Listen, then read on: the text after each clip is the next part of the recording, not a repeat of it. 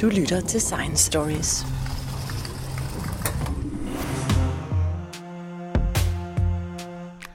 Anders Fomsgaard, du har arbejdet med virus i snart 40 år, og har arbejdet alle mulige steder i hele verden. Du har arbejdet i USA, i Tyskland, og i øjeblikket arbejder du på Statens Serum Institut med virusforskning. Og for nylig har du også øh, skrevet en bog, der hedder Det er bare en virus. Du må lige forklare mig, hvad er virus egentlig for en størrelse? Det er jo et, et smitstof, kan man sige. Selve ordet betyder gift øh, på latin, så det er øh, et smitstof, som er meget simpelt. Det har for eksempel ikke fået plads i livets træ, hvor man har bakterier med, og, og, og vores celler, celler og træers celler osv., øh, og nogen, der hedder arkæer, nogle underlige indcellede organismer, der ligesom lever i varme kilder. Det er ligesom de tre, der har fået plads til, og der har virus altså ikke plads. Og det er fordi, at øh, virus er meget simpel og har egentlig ikke noget stofskifte. Den kan ikke reproducere sig selv.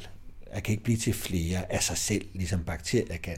Det er jo egentlig bare en pose lavet af protein med noget DNA eller RNA indeni. Det er alt, hvad det er. og den kan altså ikke noget øh, synteseapparat eller noget, som den kan lave sig nogle nye kopier af. Så det er jo en, en, en ikke-levende, jeg, jeg kvier mig ved at sige død, lad os kalde den ikke-levende øh, mikroorganisme. Er også kendetegnet ved at være meget små. Det var også sådan, man ligesom opdagede dem. Man kunne filtrere noget øh, materiale igennem et filter, der holder bakterier tilbage, og der er de altså mindre end bakterier, så de kan passere igennem og så være smitsomme der. Øhm, så det er jo en, en ikke-levende, meget simpelt opbygget øh, organisme, kan man sige, som ikke kan reproducere sig selv. Øh, den har brug for at være inde i øh, vores celler, eller nogens celler.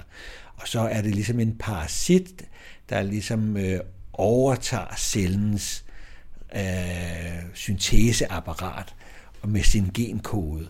Og genkoden fortæller sig cellen, nu skal I lave en hel masse nye af mig. Og, så, så det vil simpelthen sige, at den overtager metabolismen i cellen og begynder at producere kopier af sig selv? Ja, det er det, den gør. Den hijacker simpelthen øh, og, øh, og overtager og benytter sig af cellens komplicerede apparat øh, som den ikke selv har plads til i sin lille bitte øh, kapsel der, den, den er i.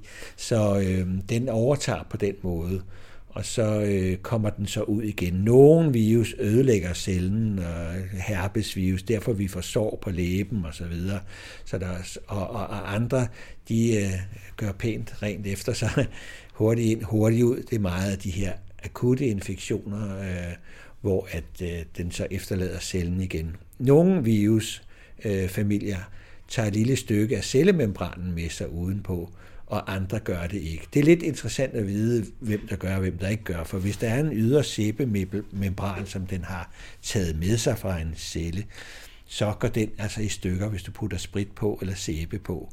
Og sådan er det jo med coronavirus, eller HIV-virus, eller Ebola-virus. Det kan du altså simpelthen vaske hænder, eller eller putte sprit på, så er de døde, og de kan ikke tåle at tørre ud og sådan noget. Nu er det altid en god idé at vaske hænder for at nedbringe antallet af mikroorganismer i det hele taget. Men så nogen, som vi kalder nøgne, som ikke har det, det kan være sådan noget som øh, norovirus, altså øh, roskildesyge, eksplosiv opkastning og sådan noget. De kan altså overleve på et plejehjem eller hospitalsmiljø, fordi de ikke har den der ydermembran. Så, så der kan man dele dem lidt op i, om de har en membran, ikke en membran, og man kan også dele dem lidt op efter deres arvemateriale. Så det vil sige, at de ikke er alle sammen lige sårbare over for at blive vasket væk af håndsprit osv. Nogle af dem er lidt mere sejlige end andre. Ja, der er, der er forskel, og man deler dem ind sådan efter, om de har en membran eller ikke en membran, og så deler man den lidt op efter deres arvemateriale, om det er DNA eller om det er RNA. DNA, det er sådan de gode gamle virus, herpesvirus, øh, øh Epstein-Barr-virus, øh, så mononukleose og sådan nogle, som, som bor i os hele livet. De er ligesom mere øh, sofistikerede koppevirus og sådan noget, øh, og, og ligner lidt bakterier eller vores celler med DNA og så videre. Og de mere sådan nye, utilpassede øh, virus, det er mere RNA. Det er sådan noget øh, Zika-virus, øh, øh, Ebola-virus, øh, coronavirus og sådan nogle, der, der ligesom øh, ikke er adapteret til mennesker nu. Det er mere sådan RNA-virus. Så, så det er værd at vide, om det er DNA eller RNA. Øh. Mm. Men de er jo ikke rigtig levende. Hvor er det egentlig, de kommer fra? Er det nogen, der sådan er, er opstået af sig selv? altså virus har været på planeten, om man så må sige, øh, før øh, liv. Altså, måske endda været årsagen til liv, fordi det er jo nogle molekyler, som de slæber rundt på, som kan sættes sammen til noget, der, øh, hvis de får nok molekyler, DNA og RNA-molekyler, kan ligesom begynde at blive til liv. Så måske er, er, er virus virkelig en forløber øh, for liv og, og mennesket et resultat af en virusinfektion, kan man sige. Så, øh, så, så de har været øh, på planeten øh, før øh, andre og har fulgt med hele vejen, og der er jo virus i både planter og dyr, og bakterier har også deres virus at slås med. Så på en måde er de jo med i livets træ, de er bare over det hele. Jeg tænkte på, nok en af de mest almindelige virus, som vi er vant til, og som kommer hver år, det er influenza-virus. Hvor kommer den fra? Ja, altså ved mange altså, virus, så kender man, hvad den naturlige vært er. Og den naturlige vært for en virus er kendetegnet ved, at de ikke er syge.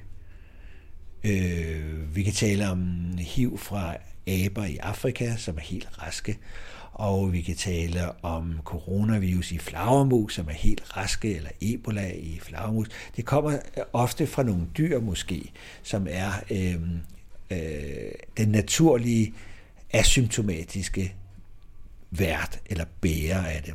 Og i tilfælde influenzavirus, så kommer det fra fugle, fra andefugle, altså vådfugle, og øh, alle de typer af influenzavirus, vi kender, altså nu taler vi influenza A, øh, som man kan dele op i forskellige typer øh, efter deres to proteiner på overfladen H og N. Og der er så øh, mange typer af den ene og mange typer af den anden, og den kan man kombinere til et hav af typer. Alle de typer findes hos øh, fugle, hos øh, vådfugle. Så det er den naturlige asymptomatiske, raske vært for, for influenza. De kan så, øh, så, så øh, smitte mennesker, de kan også smitte grise, fordi de har receptorer, som man siger, for den her virus. Og det var så også en ting, der var interessant med virus. Virus, de forskellige familier virus har et protein på deres overflade, og det protein er altså helt afgørende for, hvad for en celletype eller hvad for et væv kan de inficere. Altså, hvis det, hvis det molekyl, de har, binder sig til leverceller, så får vi leverbetændelse får vi ikke hjernebetændelse eller noget andet. Eller hvis de omvendt har receptorer for vores nerveceller, jamen så giver det jo hjernebetændelse eller sådan noget. Så det er også værd at vide om virus, øh, hvad for en, en øh, receptor eller hvad for et protein har de, som binder sig til hvor. Og der er det, influenza binder sig til nogle molekyler i vores luftveje, og derfor giver det luftvejsinfektioner. Og det er altså, øh, når jo sådan skifter vært fra en øh, naturlig bærer af det øh, til en ikke naturlig øh, vært af det, øh, så opstår der sygdom. Og øh, det, kan, det kan gå virkelig gralt til. Øh, det, det tager, taler vi Ebola med måske en dødelighed på 80-90 procent, eller øh, hvis der kommer en fugleinfluenza, som direkte smitter mennesker, øh, så, kan det, så er der også en meget høj dødelighed på 90 procent. Men de her influenzavirus, de har jo efterhånden lært sig nogle mutationer. RNA-virus muterer meget, og det er influenza også en RNA-virus. Og de kan godt mutere til at tilvende sig øh, mere øh, eller mindre til mennesker, sådan at de øh, måske vi sige, ikke slår ihjel længere, men er mere milde. Det er jo i virusets interesse ikke at slå sin værte ihjel, fordi så dør den jo selv. Så det, den er i sin, sin, sin interesse er at øh, kun lave en mild sygdom, eller helst slet ingen, og dermed og, og så også smitte mere. Og man kan se, når nogle af de her pandemier har opstået, måske direkte fra fugle i 1918, at så sker der en tilvænding øh, til, at, til en bedre spredning på bekostning af mindre sygdom. Og så ender vi op med, at vi får sådan en hver vinter på den nordlige halvkugle og omvendt på den sydlige halvkugle, når folk de klumper sig sammen og, og, og, og nyser og hoster på hinanden. Og så, så der er altså ligesom en adaptering af, over tid, øh, og hvis vi, om man så må sige, levede længe nok, så vil vi ende op som andefugle og, være naturlige værter for den også. Der er altså kun nogle få af de influenzavirus, øh, der findes, af de typer, der findes øh, i fuglene, som er dem, der cirkulerer i menneskeheden. Ikke? Vi kalder dem H1N1 og H3N2. Det, det er de to hovedtyper, som så har lært sig at, at sprede sig mellem mennesker uden at slå os ihjel, fordi så, så dør det hele ud. Og de kommer altså så hvert år. Men der er et stort reservoir i de her øh, fugle, og vi er jo meget nervøse for, at nogle nye fugleinfluenzaer skal begynde at, at lære sig tricket med at adaptere sig til mennesker, i hvert fald nok til, at de kan smitte. Og det er jo sådan et skrækscenarie, vi har, fordi 1918 var så voldsom, om det kan gentage sig. Og det kan det jo. Vi kan jo se, at så langt tilbage vi kan, kan, kan, kan se, at der er altså en ny pandemi en eller to gange i hvert århundrede. Og vi havde jo en lille en i 2009. Øh, den var ikke så voldsomt forskellig fra de virus, der cirkulerer, men alligevel. Det gav jo faktisk en pandemi. Men øh, mange af de ældre, som havde antistoffer over for lignende virus, de blev jo ikke syge. Så 60 plusårige blev ikke syge, så det var altså en, en lidt, lidt forkølet, amputeret epidemi eller pandemi, kan man sige. Men øh, det var et eksempel på øh, en, en ny virus. I det tilfælde havde den så lige været igennem en gris, fordi grise kan blive inficeret med både menneskevirus og altså influenzavirus og fuglenes øh, influenzavirus. Og, og, og det kalder vi sådan en, en, en mixing vessel, altså en, en, et kogekar, hvor man sådan øh, kan opstå nye virus fra, fordi øh, hvis du både får en virus fra en fugl og en fra et menneske inde i en gris, så kan de altså sætte sig sammen på nogle helt nye måder. Øh, fordi deres gener ligesom er delt op i otte små stumper, så hvis der kommer, hvis samme celle bliver inficeret med to virus, øh, så kan de her stumper altså finde sammen på en ny måde, og så kan der opstå en helt ny en, som vi ikke er immune overfor. Og det er ligesom betingelsen for, at man kan få en pandemi.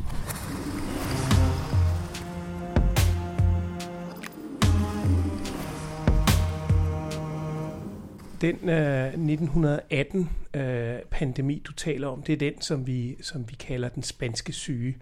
Og, øh, og det du også taler om, det er, at det i virkeligheden øh, er et tegn på utilpassethed. Altså de virus, som er allerfarligst, de, øh, de ødelægger i virkeligheden deres eget eksistensgrundlag ved at, at slå deres værdi ihjel. Ja. Øh, og på den måde begrænser de vel også sig selv. Altså, så så dem, dem øh, bliver vi så heldigvis ikke udsat særlig meget for. Mm. Dem, der, dem, der så øh, spreder sig over hele verden, det er jo så dem, som, øh, som måske er sådan nogenlunde tilpasset, og som derfor kan smitte over det hele. Ja, det er rigtigt, og det, det er jo ikke sådan, at virus er enten sur på os, eller har tænkt sig, nu gør jeg sådan der smart.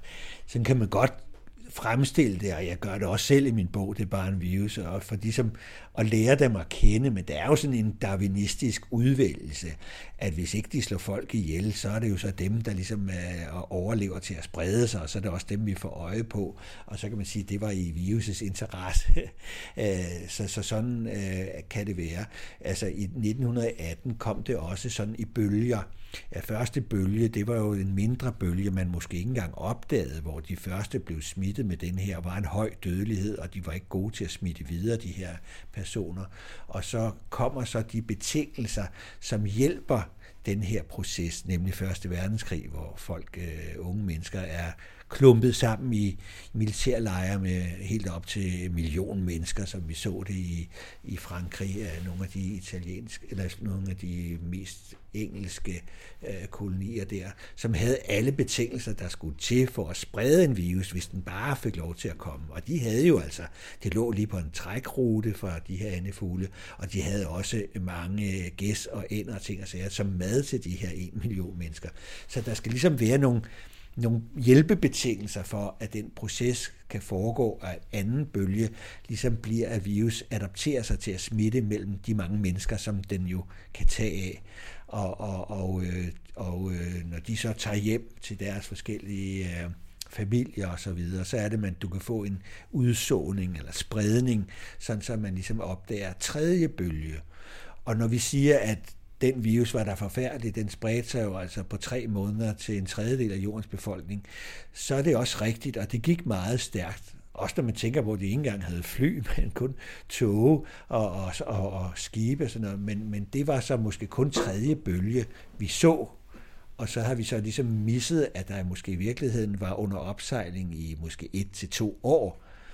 Og det er jo så det nye, vi ligesom prøver nu, det er at være forberedt på og ligesom at overvåge, hvad der er af virus derude på et meget tidligere tidspunkt, sådan så at hvis vi kan opdage en pandemi i sin vorden, altså allerede første bølge, så har vi jo måske to år at gøre godt med, og ikke tre måneder, som er skrækscenariet, fordi man så jo kun lige toppen af isbjerget, da den havde udsået sig. Og det er den viden, der gør, at man måske ikke er helt så bange øh, for, at noget lignende skal ske. Der var der andre det er 100 år siden, ikke? der havde vi jo heller ikke penicillin, dem der fik bakterieinfektioner oveni, og, og man løber heller ikke krig på den måde, her ja, millioner mennesker sammen, vel? Jeg sidder og trykker på knapper. Så altså, der er mange betingelser, som øh, ikke er ligesom dengang, så derfor frygter vi det ikke sådan. Men det her med at være forberedt og lave overvågning af, hvad der, hvad der rører sig, det er med til at fange første bølge. Nu må man jo efterhånden også kende de her influenza-virus øh, rigtig godt, fordi de kommer i de her bølger hver år, og man øh, laver vacciner mod dem hver år. Men hvad er det egentlig, der slår folk ihjel? Hvorfor er nogen så meget farligere end andre? Ja, altså de er jo også lidt forskellige, de her luftvejsvirus. Du kan ikke sådan helt sammenligne en corona-luftvejsvirus med en influenza-luftvejsvirus. I øvrigt er der over 200 forskellige virus, der kan give influenza-lignende symptomer. Øh, så de virker alle sammen øh, lidt forskellige, kan man sige. Øh, men det at få inflammation og betændelse i sin luftveje, det er jo ikke sundt.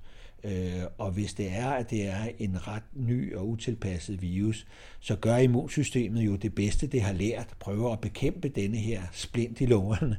Og den øh, betændelse, der kommer ud af det, kan faktisk være så omfattende. Det er den, der ligesom giver øh, feberen og blodkarrene udvider sig, så man får rødme og varme og en masse signalstoffer, hormoner, bliver sprøjtet rundt og hedkalder øh, immunceller osv. At den proces kan altså godt løbe løbsk, øh, sådan så det, at det er jo i en splint situation til gavn lige på fingeren, hvor det er.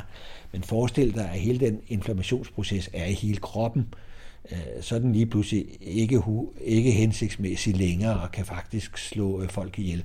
Og det er det, man mener, der sker, altså en, en overreaktion, en cytokinstorm, altså en inflammation, som gør, at øh, karrene udvider sig, og dermed så øh, falder blodtrykket, og blodforsyningen til organerne øh, lider, og så lider organerne. Det kan de ikke særlig lang tid ad gangen, og så får vi det, vi hedder multiorgansvigt. Og det er, altså, det er sådan en mekanisme, man kan se, når der er en overreaktion for en, en ny virus. Og det er også det, vi ser ved coronavirus nu. Dem, som går til, det er multiorgansvigt og det, vi kalder hvide lunger. Sådan ser det ud på et røntgenbillede, når der er inflammation i de nedre luftveje.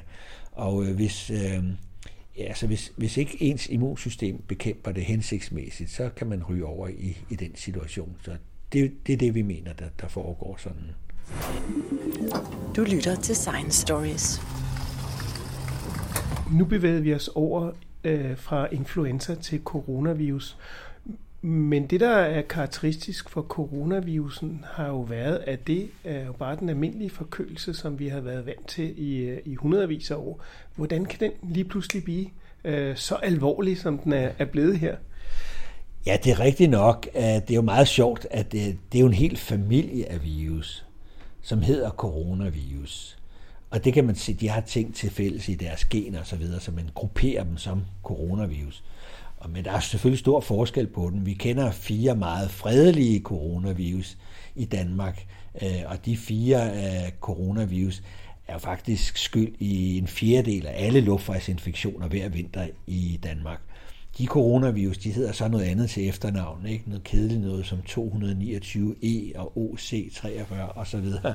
Øh, og, og det er jo bare almindelige forkølelser. der, det, de bliver jo ikke engang rigtig til lungebetændelser. De kan jo godt sidde lidt længere nede, og hvis man har ikke så godt immunforsvar, ikke som lidt ældre, så kan man måske også få lidt, lidt mere alvorligt, men de er jo ikke dødelige, kan man sige. Og så er det sådan, at øh, dyrene har jo også deres coronaviruser, som altså genetisk set ligner hinanden. Flagermusene har, øh, desmerkatte har, og alle mulige forskellige dyr har. De holder sig ligesom til deres, til deres dyrevært, kan man sige, og krydser ikke gerne over. Men coronavirus kan jo altså godt krydse over. Det er en meget plastisk virus på den måde, der kan tilvende sig og mutere til mange forhold. Den kan inficere forskellige dyr, den kan inficere forskellige øh, væv, og det var det, vi talte om, at hvis den binder sig til leverceller, så giver det leverbetændelse. Men den her kan altså øh, binde sig til forskellige væv og give forskellige infektioner. Og, øh, og øh, den kan altså også skifte vært, som vi så har set det nogle gange. Og nu har vi altså så tre coronavirus-tilfælde i mennesker, som har hoppet over fra dyr, og dermed er mere en utilpasset situation, lidt ligesom fugleinfluenza, som vi snakkede om, som altså, fugleinfluenza, det er noget skidt, hvis man er en fugl, ikke? men det er meget sjældent, at mennesker bliver smittet og syge at man gør det det, så, så er der høj dødelighed. Og det samme gør sig egentlig gældende, samme princip her, at det hopper fra en øh, naturlig vært, som i det her tilfælde øh, for alle de tre dødelige er flagermus. Så havde vi så flagermus, der smittede kameler. Øh, kamel dromedar hedder det, altså dromedar, dem med en pukkel i, på den arabiske halvø. Og øh, kamelerne blev ikke særlig syge faktisk. De fik sådan en almindelig forkølelse faktisk øh, af det. Øh, men hvis den sådan hoppede videre til mennesker, så var der altså et led længere ude og øh, endnu mere utilpassede mennesker, og der kunne man altså få den her øh, nedre luftvejsinfektion, altså lungebetændelse med den, med en høj dødelighed, altså en 36 procent øh, død, og, og, og den er florerer jo stadigvæk mm. på den arabiske halvø blandt kamelerne, som har fået det fra flagermus. Så altså, kamelen er jo heller ikke en naturlig vært, fordi den bliver jo syg, den den får bare forkølelse. Det er altså ikke nok til, at kamelejeren synes, det er alvorligt at skulle vaccinere, men, men den er også egentlig utilpasset, men man klarer den bedre, end, end mennesker gør. Og øh, når vi kalder Salazar, som opstod i 2001 og 2 og 3, forsvandt den igen. Så den var der lige et par år der.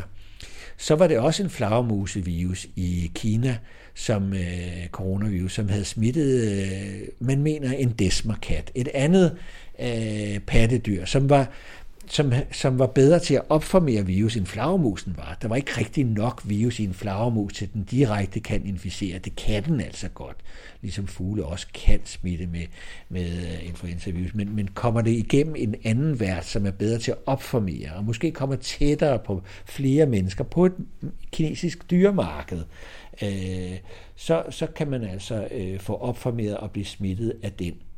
Øh, og øh, så, så, så det er øh, en, altså den samme princip med en naturlig vært, som er reservoir for en uhyggelig masse virus, vi kan få i hovedet, og som, hvis de rigtige betingelser er det, kan smitte mennesker. Og hvis det er en meget plastisk RNA-virus, der muterer, ligesom influenza og coronavirus, så kan de begynde at lave disse bølger, hvor de sådan tilvender sig at være i en menneske og, og helst uden at, at slå det ihjel. Øh, vi kan se med den her coronavirus, at der, øh, der må være sket en mutation øh, i flagermusens virus i det øjeblik, den, den, den skifter over til at kunne inficere mennesker. Og det, det er sådan lidt teknisk, men der, der, der opstår et, et område af virus øh, på, på toppen der, hvor den her receptor er, som pludselig kan kløves af et enzym, vi alle sammen har i vores celler, der hedder forin. Og det gør, at så kan den lige pludselig optages i menneskenes øh, celler. Øh, og vi ved også, hvad for et molekyl i vores lunger, den binder sig til. Og så, så der er så sket en mutation. Hvornår den er sket, altså vi, kan, vi, vi har jo altid noget med at slå tiden sammen, tidsmæssigt sammen. Det skete jo der i november, december, ikke? Men det kan godt være sket året inden, eller måske 10 år inden, altså jævnfør HIV og så videre, inden de rigtige betingelser så kommer, som kan være dyremarkedet for eksempel, hvor man jo ikke har køleskab, men opbevarer sine dyr øh, friske ved at have dem levende, og hvor man jager øh, forskellige dyrearter øh, sammen i buer, som ikke er ment til at være sammen i naturen. Og så er der rigtig, rigtig mange mennesker i Kina, som går på de her markeder, og så kan de betænke sig for en yderligere spredning så være der, og coronavirus begynder så at adaptere sig. Vi kan se, der efter smitten til mennesker begynder at ske en mutation, som gør, at den nye mutation, L-formen, spreder sig meget bedre. Måske på bekostning af, at den er mindre farlig.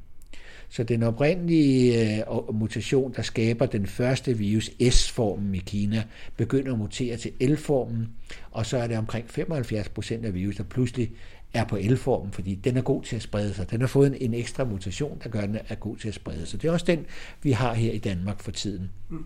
Men, men det, er jo, det er jo ret uhyggeligt, øh, det du fortæller mig her, at, at den her øh, uh, MERS-virus, som jeg i øvrigt oplevede, da jeg var i Korea i 2015, hvor gaderne uh, lå øde hjem, uh, hvis den havde en dødelighed på omkring 30 procent, så, så skal vi jo altså... Uh, så, så begynder vi at skulle være rigtig forsigtige øh, fordi så er det jo rigtig mange, der er, er i farzonen. Ja, det er jo noget helt andet end øh, de små procenter, vi ser med den nye covid-19. Øhm, nu kan man så regne dødeligheden ud på forskellige mere eller mindre elegante eller relevante og urelevante måder. Hvis man bare tager antallet døde divideret med antallet øh, identificeret, altså diagnostiseret ved en test, altså dividerer dem med hinanden, så får man omkring 3 procent. Øh, det kan man bruge til at sammenligne på den samme måde at regne ud på, på SARS coronavirus i 2001, 2, 3 stykker der, ikke? og der var den på de der 10-11 procent, og hvis du udregner på samme måde med MERS, 35-36 procent, ja. Men altså, øh, den er jo ikke helt så dødelig, kan man sige, fordi det, det kalder vi for case fatality rate, altså på, på godt øh, nydansk CRF. Men du kan også godt regne dødeligheden ud på at sige, okay, hvor mange døde, det har man ret godt styr på, i forhold til hvor mange inficerede, som måske ikke er blevet diagnostiseret. Fordi hvis der er nu 10 gange så mange inficerede, der bare ikke er syge nok til at blive diagnostiseret, eller du ikke har flere test, eller hvad ved jeg, øh, så er dødeligheden jo også 10 gange mindre. Det kalder man for Infectious Fatality Rate, IFR. Og den er jo sådan cirka en 10-fold mindre. Øh, WHO estimerer den til at være et sted mellem 0,3% og 1%. Altså det er jo noget mindre end de der 3%. Øh, og så noget med dødelighed er jo også afhængig af altså, øh, en, altså populationens sammensætning. Vi ved, at den her dødelighed er lidt skævt fordelt. De ældre er den, er den højere, og, og de yngre er, er den mindre. Så hvis man i Norditalien har særlig mange ældre mennesker, hvad man har, så vil den måske opleves som en større dødelighed, end man måske har i populationens sammensætning i Danmark. Og endelig er der noget med ens sygehus og sundhedsvæsen er også forskelligt. Altså dødeligheden af Ebola i Afrika er 90 procent. Dødeligheden af Ebola i Frankfurt, den er 5 procent. Så der er selvfølgelig også noget at gøre med, hvordan bliver man behandlet, og øh, har man overrumplet sygehusvæsenet, som vi så skete i Kina, så er det jo selvfølgelig ikke så smart som lige i starten af epidemien. Og, så, så, så, og, og, og i starten er det måske de sygeste, man ser, og, og, og, og så er dødeligheden højere, og efterhånden bliver den mindre. Så det er sådan en lidt plastisk størrelse at, at, at regne ud, som er afhængig af en frygtelig masse ting. Men den er måske nede på det der 0, et eller andet procent, 3, 4, 5 stykker. Og sammenlignet med influenza A, som mm, er omkring 0,1, så er vi dernede af, men den er alligevel lidt højere. Så vi kan prøve at sammenligne coronavirus med influenza, men der er altså nogle lighedspunkter, og der er også nogle forskelle. Øh, den nye corona er lidt mere alvorligt. Øh, den smitter lidt øh, nemmere og lidt mere, men til gengæld ikke lige så hurtigt og lige så voldsomt, som, som SARS-coronavirus gjorde, så, som i øvrigt kun smittede, når man var syg. Denne her sådan, nye covid, den kan jo smitte lige inden man bliver syg, og når man er syg, og lige efter. Der minder den mere om influenza. Så det er altså, det er hverken influenza eller, eller SARS, det, men, men den har nogle, de forskellige virusgrupper lidt ligheder og forskelle. Sygdomsforløbet er også lidt anderledes det er, øh, når man bliver syg af den nye coronavirus, ser det ud til, at man får en slags forkølelse i nogle dage, lad os sige 5-7 dage, og derefter kan man så blive, begynde at blive rask igen, eller man kan begynde at så pludselig få det værre. Og så kan så hele sygdomsforløbet altså være en måned. Og det er jo ikke sådan en sygdom, vi kender fra tidligere. Så der er altså nogle forskelle, og der er nogle ligheder. Men når man skal sammenligne det med noget, så øh, vil man jo gerne sammenligne med noget, man kender. Og der er influenza jo nærliggende, fordi de smitter lidt på samme måde. Ikke? Host og nys og nys i hænderne og med hænder. Øh, så man kan bruge mange af de ting derfra, men, men det er altså faktisk nogle forskellige sygdomme alle sammen. Jeg tænker på sådan nogen som øh, jeg selv. Jeg er jo selv astmatiker, og vi bruger jo sådan noget immunsupprimerende kortisol for at holde den der øh, astma i æve. Øh, men det er jo i virkeligheden noget, som, som øh, undertrykker ens øh, immunforsvar. Øh, så det gør os måske i virkeligheden meget sårbare over for sådan nogle ting som, øh, som en coronavirus. Ja, i princippet. Nu er det sådan, at de her astma-sprayer, de her ting, det er jo ment til, at de skal virke sådan lige helt lokalt, og ikke påvirke netop immuniteten i resten af kroppen, kan man sige. Så øh, der skal mere til øh, for at være immun supprimeret, du skal simpelthen have leukemi eller sådan noget lignende, for, for at det betyder noget på den nye. Men jeg vil sige, der er, jo, der er jo mange ting, vi ikke sådan helt kender ved den. Du har ret i, at immunsystemet jo må spille en rolle her, øh, tænker vi. Og, øh, men så er det, man måske nogle ting, vi ikke helt forstår. Hvorfor skulle diabetikere eller folk med høj øh, blodtryk sådan være måske mere udsat frem for folk med astma for eksempel? Ikke? Det vi jo ligesom synes, når det er noget med lungerne, så vil det ligesom være. Men, men der er altså en forskel der fra risikogrupperne, der er øh, kendt for influenza, og så risikogrupperne for den her nye coronavirus. Men altså, alt er jo nyt, så vi ved jo desværre ikke det hele, og man skal være lidt varsom, hvis jeg kommer til det, undskyld, vil jeg gætte, hvordan og hvorledes det vil være. Det, det er en ny virus, men øh, der er altså nogle så der er nogle forskelle. Så det du siger, der er forløbig tegn på, at det er særligt at diabetikere, folk med kroniske sygdomme og måske cancer, som er dem, som øh, er mest øh, påvirkelige? Ja, det er sådan, hvad vi har hørt øh, på de kinesiske data, og hvad vi har hørt fra, fra Europa. Men igen, vores kendskab til den her virus er jo to måneder, ikke? og øh, vi har jo først lige fra den 27. februar her 2020 fået den i Danmark. Så, så hvordan det vil arte sig de forskellige lande, forskellige systemer, det, det ved vi simpelthen ikke nok til, men vi spidser selvfølgelig ører over, over de ting, der bliver bemærket i, i de forskellige lande, som har flere tilfælde, og også har de alvorlige. Det har vi jo ikke endnu i Danmark. Så, øh, så vi prøver ligesom at suge til os og, og lære af det her. Og øh, der ser det altså ud som om, at det er nogle af de ting, vi har, har hørt, spiller en rolle. Om det så er en ureguleret eller en velreguleret diabetes, så nogle ting kunne vi jo godt tænke os at vide. Altså om en velreguleret diabetes virkelig ikke er noget problem. Så der er en masse ting, vi gerne vil vide, øh, men pointen er nok, at man kan ikke sådan helt altid øh, ekstrapolere fra den ene øh, virus til den anden, selvom de tilsyneladende opfører sig nogenlunde øh, ens. Så hvor lang tid øh, vil det tage, før man for eksempel udvikler en vaccine mod den her nye øh, coronavirus? Ja, immunitet er vigtigt. Der er jo ikke nogen immunitet i befolkningen øh, over for den her virus, i modsætning til influenza, hvor der jo er delvis beskyttelse selvfølgelig og en vaccine. Så den her virus kan jo sprede sig, indtil der kommer immunitet, forestiller vi os. Det er jo ligesom det, der skal begrænse den. Vi ved faktisk desværre ret lidt om, om dem, der har overstået en infektion, så også er immune. Og øh, de er delvis immune, eller 100% immune, og hvor længe de er det. Øh, fordi hvis vi nu pludselig gerne vil sammenligne med de andre coronavirus, vi kender, forkølelsesvirus, så er der jo ikke nogen forkølelsesvirus vaccine. Og det er der ikke, fordi at øh, immuniteten på vores slimhinde overflader, som vi taler om her, lunger osv., den er ikke altid sådan en, der holder sig med hukommelse sådan i livslang. Det kan være, at den kun holder den her sæson, og øh, så kan du få det igen til næste år for eksempel. Ikke? Så hvor længe holder immuniteten, det ved vi ikke så meget om, men den er måske knap så god, når det er, det er slimhinder. Så er der det her med, om den kan mutere. Øh, influenzavirus muterer jo altid lidt fra år til år, og det er jo det, der giver hovedbrud hos dem, der prøver at lave en vaccine, fordi de vacciner, man har i øjeblikket, er sådan meget specifikke på en bestemt variant af den her influenzavirus, og der skal ikke meget til at, at ændre den, og så virker vaccinen måske slet ikke, eller delvist kun. Øh, så vi ved heller ikke rigtig, hvor meget mutation i de øh, immunområder, det er jo ikke hele virus, der er så vigtigt i den her sammenhæng. Det er altså der, hvor antistoffer kan komme til at neutralisere den her. Hvor meget mutation er der der? Vi kan se, der er lidt mutation, fordi coronavirus muterer hele tiden. Der er forskel på, på den ene patients virus og den anden patients virus. Og så er der nogle større forskelle. Vi talte om S-former og L-former. Øhm, så øh, når vi får en vaccine, skal den jo helst være så bred, at den kan tåle og, og at, at virus muterer en smule, øh, udvikler sig, skal den stadigvæk kunne virke.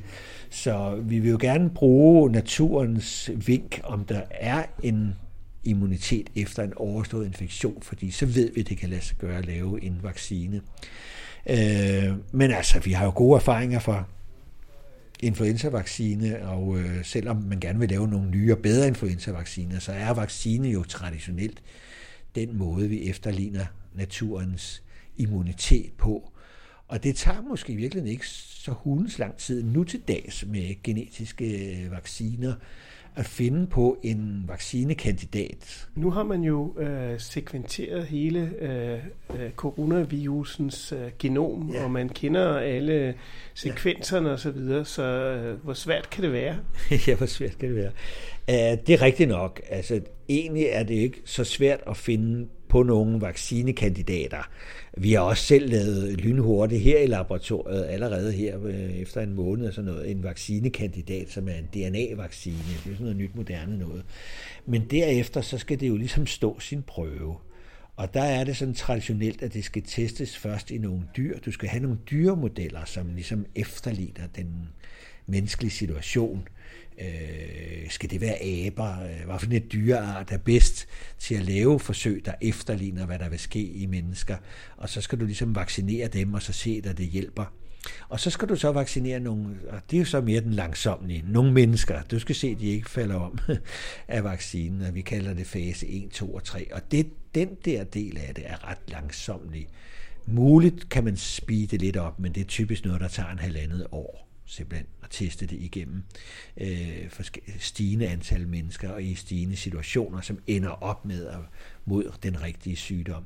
Så du, du kan udvikle en vaccinekandidat øh, måske hurtigere, end man kunne førhen, men der er stadigvæk nogle langsomlige processer, der hedder testning i mennesker, og så også produktionsmåden. Hvis du skal, altså, hvis du skal vaccinere flere millioner mennesker, så skal du også lave en vaccine, der kan produceres i flere millioner doser.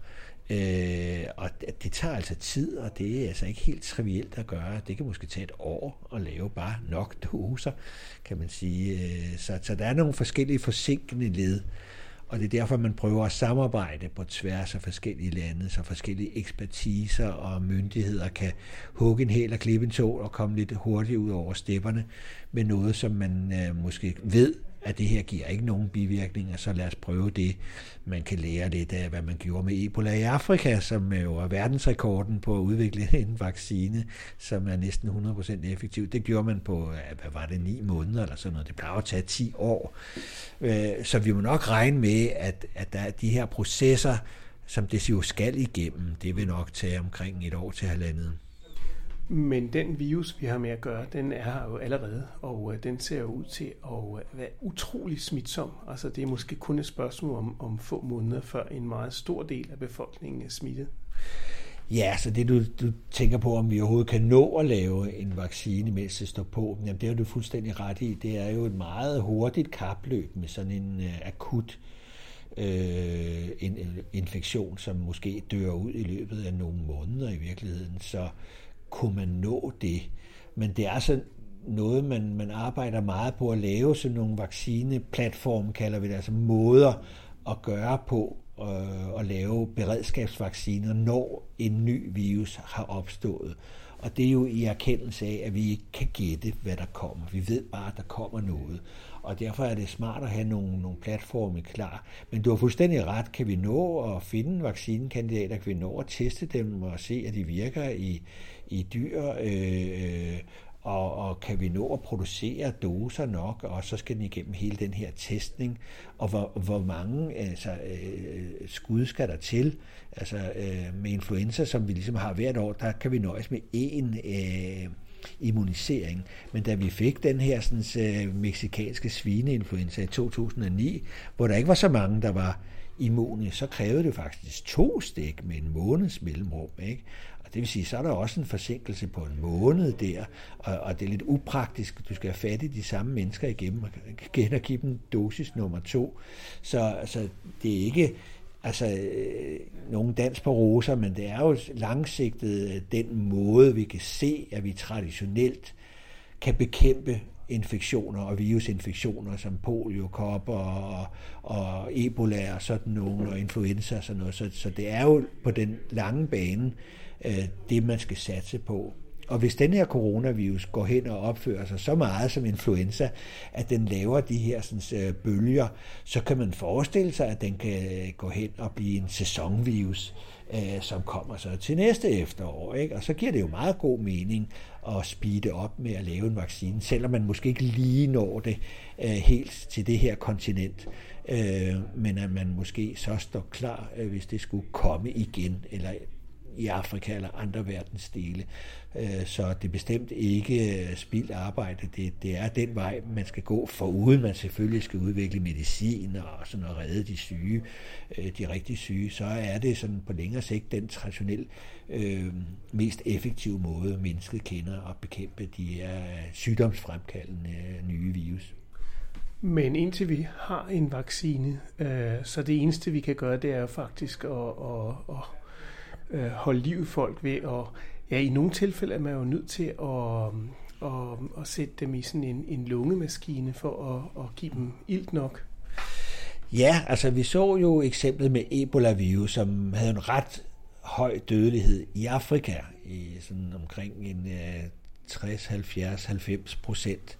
Øh, men da der så begyndte at komme mange nok under det der udbrud, der var i 2014 i Vestafrika, så kom der jo også europæere hjem til Europa og blev indlagt på rigtige intensivafdelinger. Og der fandt man jo ud af, at øh, dels omkring sygdomsmekanismen, at man tabte meget væske, altså utrolig meget væske. E, nærmest kolera-lignende tabte en 12-13-14 liter væske i døgnet i løbet af den første uge, og det var nok det, der i virkeligheden slog de første ihjel øh, med så høj en dødelighed. Men hvis man ligesom kunne erstatte den væske, og det kan man jo altså på en intensiv afdeling, og øh, så var der ligesom, det var ligesom det værste, så havde man i styr på den, og så tog man simpelthen systematisk og behandlede de ting, der skete hen ad vejen. Så hvis man begyndte ikke at kunne trække vejret, fordi der var infektion i lungerne, jamen så puttede man i respirator, og hvis der var øh, blodtrykket faldt, så gav man noget, så det steg, og øh, hvis man havde øh, bakterier, der øh, ligesom svømmede ind fra tarmen, fordi den pludselig blev utæt som man siger, så gav man antibiotika, og, og, og sådan en god intensiv måde af hver eneste symptom, af symptombehandlet, kan man sige, for der var ikke nogen specifik behandling over for Ebola, så var dødeligheden kun 5 procent.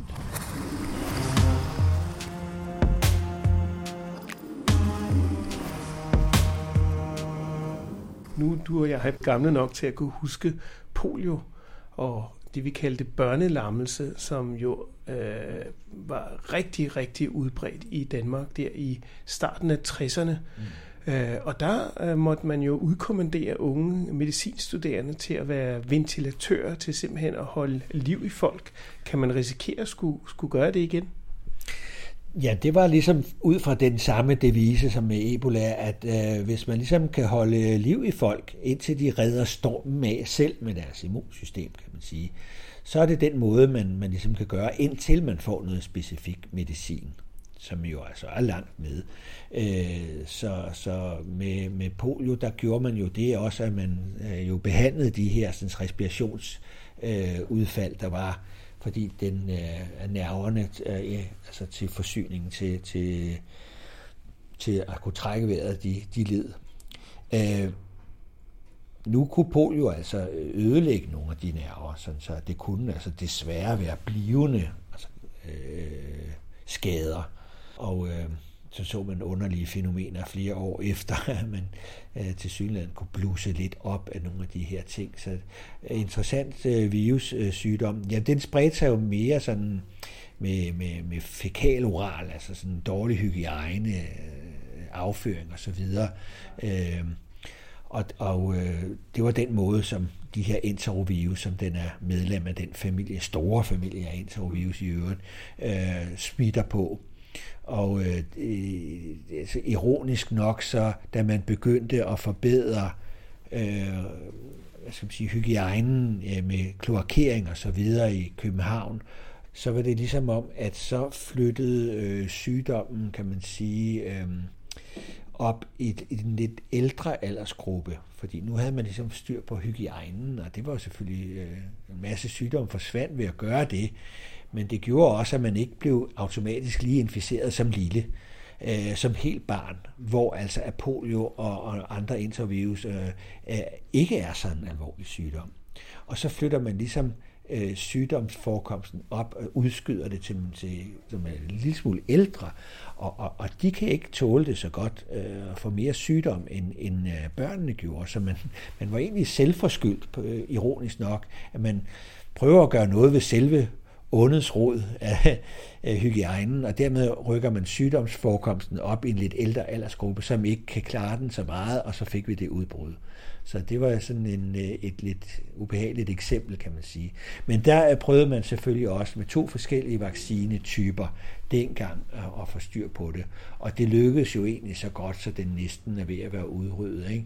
Man havde en, en, en, det, der hed en inaktiveret, man kalder det ikke en dræbt vaccine, fordi det virus ikke er levende, man kalder det inaktiveret, så, altså sådan ikke er infektiøs. Og så havde man også en levende svækket, øh, skal man sige, en, der var infektiøs, men ikke gav noget videre sygdom, men efterlod en, en rigtig god øh, immunitet. Man havde de to vacciner at gøre godt med. Og den der orale, man sådan øh, tog på samme måde som virus ligesom kommer ned i, i tarmen med, den gav ligesom en lokal immunitet, mens den der inaktiverede, man sprøjtede ind i musklerne, den gav sådan mere systemisk rundt i kroppen immunitet. Så, så nogle gange kunne man have god glæde af at give begge dele, altså sådan så, at øh, man måske først gav den inaktiverede, så kroppen kunne klare det, og så gav man så den, den orale der, øh, som hvis den lavede en infektion, så var man dog trods, trods alt vaccineret først.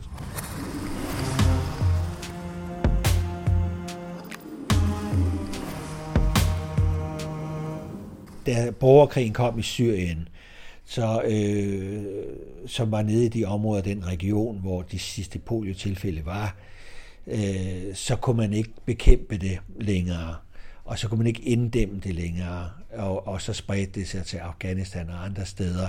Så det var altså på grund af, af, af urolighederne i det område, at man ikke kunne gennemføre programmet, WHO's program, som har gjort, at det desværre blussede op igen. Men øh, der er selvfølgelig en anden øh, ting, det var, at øh, der er ligesom tre poliotyper, og øh, den ene af dem, der var i vaccinen, som var levende svækket, den kunne altså begynde at mutere. Det er jo det, virus kan. og der muterede den så tilbage til at være sygdomsfremkaldende. Sådan at vaccinen faktisk gav polio, som så øh, folk de så øh, med afføringen kan sprede og det er, det er jo noget, der virkelig spreder, altså sådan noget fekal oral smitte der, ikke? Det, det kan godt gribe virkelig om sig der. Ikke? Så, så det, var, altså, det var en af de ting, der skete.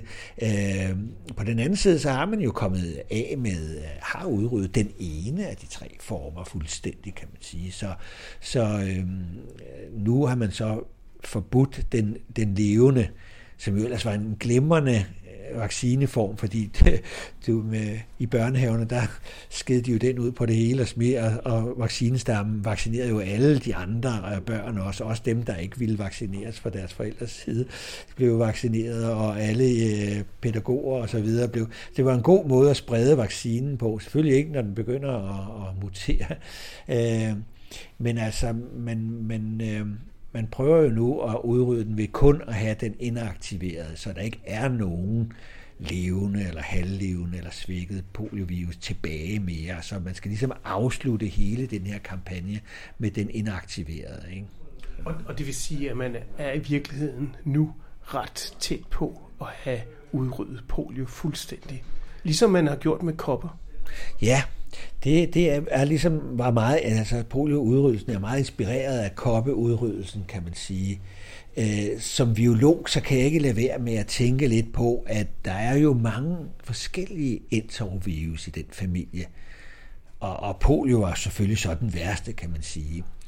Men der er altså så mange øh, enterovirus derude, at der er altså nogen af dem, som minder uhyggeligt meget om polio. Og de bliver altså ikke udryddet af den vaccine, man prøver at udrydde de rigtige polio med. Så der er ligesom en niche, der er efterladt åben, hvor at andre enteroviruser kan kravle ind. Enterovirus 73, enterovirus øh, 61 osv., som kan give nogle, nogle, nogle sygdomme og sprede sig på samme måde i epidemier, som kan have samme forløb. Og så er vi jo ligesom lige vidt, kan man sige. Men øh, kopper er jo den bedste historie, som menneskeheden har, fordi at den blev udryddet ved hjælp af vaccination. Og det var jo kæmpestort, fordi altså, er der nogen øh, pandemi her på planeten, der har været ond og vemmelig og stor, så er det kopper. Det er simpelthen den største og, og, og, og mest voldsomme øh, pandemi, der nogensinde har været på planeten Jorden. Altså, den har jo plaget menneskeheden i 3-4.000 år. Du kan jo se mumier, som har tegn på koppeinfektion. Og på et tidspunkt var der jo altså flere, der havde kopper, end der ikke havde kopper. Og øh, hvis ikke man døde, så blev man jo også fuldstændig vandsiget af de her koppear og så videre. Så det, det er jo virkelig en meget ubehagelig øh, virus, som, som blev nødt til at blive udryddet, altså fordi den var simpelthen for voldsom og for længe for hele menneskeheden. Men der var betingelser til stede, at, at man kunne udrydde den. Den ene betingelse var, at øh, den kun smitter mennesker. Der er altså ikke noget dyrereservoir, øh, som den kan gemme sig i. Altså øh, aber, der kan have Zika-virus osv. Sådan, sådan et er der ikke. Så hvis man vaccinerede alle mennesker, så kunne virus ikke gå nogen steder hen, og så ville den dø ud. Og det var også lige præcis, hvad der skete. Så var der en anden fordel, det var, at hvis du blev smittet med den, så blev du også syg. Så der var ikke nogen sådan subkliniske tilfælde, hvor du kunne sådan gå under radaren, altså det, øh, øh, infektion, så øh, kunne man se det. Så, så man, den kunne heller ikke gemme sig i nogle mennesker, der var knap så syge. Og det var to rigtig gode betingelser. Og så havde man selvfølgelig så også en vaccine, der var nærmest 100% beskyttende. Øh, så er det jo sådan set bare at vaccinere hele jordens befolkning. Det er så ikke sådan en helt triviel ting. Det tager nogle år og nogle specielle øh, indsatser. Øh, men altså til sidst er der jo, var der jo kun nogle lommer tilbage. Og øh, så fandt man så ud af, hvad så? Skal vi så blive ved med at vaccinere hele planeten, hvis der kun er en lille lomme tilbage her i Afrika, eller Afghanistan, eller øh, Kamerun, eller sådan. Og så fandt man på den der list, sidste fase, der var egentlig ret smart, man kaldte det for ringvaccinering, hvor man ligesom vaccinerede kontakterne, altså folk, der har været tæt på en, en, øh, et tilfælde, for at sige, uha, kan vi vaccinere i inkubationstiden, altså at hindre at de sådan set får sygdom og spreder den, så skal vi jo ikke vaccinere et helt land eller et hele planet. Så skal man bare vaccinere de mennesker, som den person har været sammen med øh, for nylig. Og det viser sig faktisk at, at virke. Og den her sådan, mm, ringvaccination, man forestiller sig ligesom alle de bekendte udenom en person, er ligesom en ring, Øh, Øh, og man kan være lidt mere rabiat, som man var her i Kongo for nylig med Ebola-vaccinen og vaccinere ringenes ringe, ringenes herre. Altså de, de kontakters kontakter. Og så begynder det lige pludselig også at være en rigtig god inddæmningsstrategi, hvor man ikke behøver at vaccinere alle. Men det kræver selvfølgelig, at det er en særlig god vaccine, som også hvad skal man sige, kan hindre, at du bliver syg, altså at den virker i inkubationstiden fra du er smittet, øh, til du bliver syg langt de fleste andre vacciner er jo nogen, der virker ved at hindre, at du overhovedet bliver inficeret. Men den her kunne altså dels hindre infektion, men også hindre, at du blev syg. Altså aktivere vores cellulære immunsystem, som nakker de inficerede celler. Øh, så der var jo en, en ekstra betingelse der. Også at inkubationstiden var relativt lang, omkring et par uger, så du kan nå at gå ud og finde de her kontakter. Så der var en masse gode øh, betingelser og en rigtig god vaccine og en god øh, vaccinestrategi og en kæmpe indsats, som så gjorde, at, at nu kopper væk og plager ikke menneskeheden længere.